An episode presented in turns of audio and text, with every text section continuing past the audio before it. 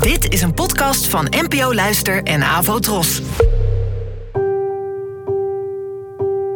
Poëzie vandaag. Met Ellen Dekwits.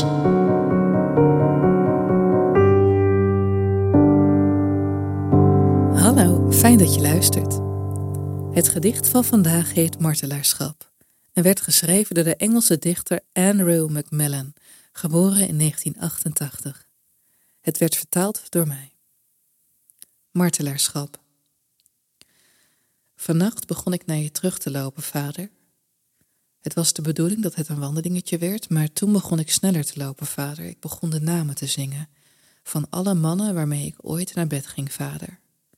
Mijn dijen brandden en mijn voeten werden zwaar van bloed, maar ik hield de pas en de namen zang erin, vader, somde ze op tegen de paaltjes en de bomen en stopte niet en begon jonger te worden, vader, en liep de hele nacht tot ik thuis was.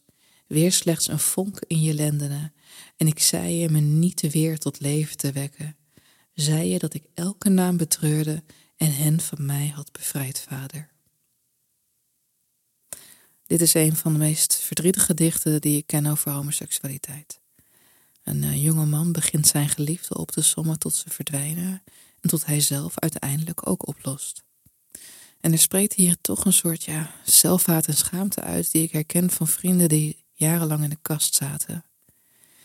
Die zichzelf niet uitspraken en zich zo opofferden om andermans gevoelens maar te sparen.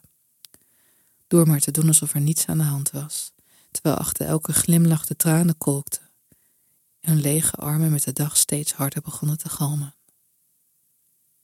Bedankt voor het luisteren en tot de volgende keer. Abonneer je op deze podcast via de gratis app van NPO Luister. Daar vind je ook een handig overzicht van het complete podcastaanbod van de NPO. Afro Tros, de omroep voor ons.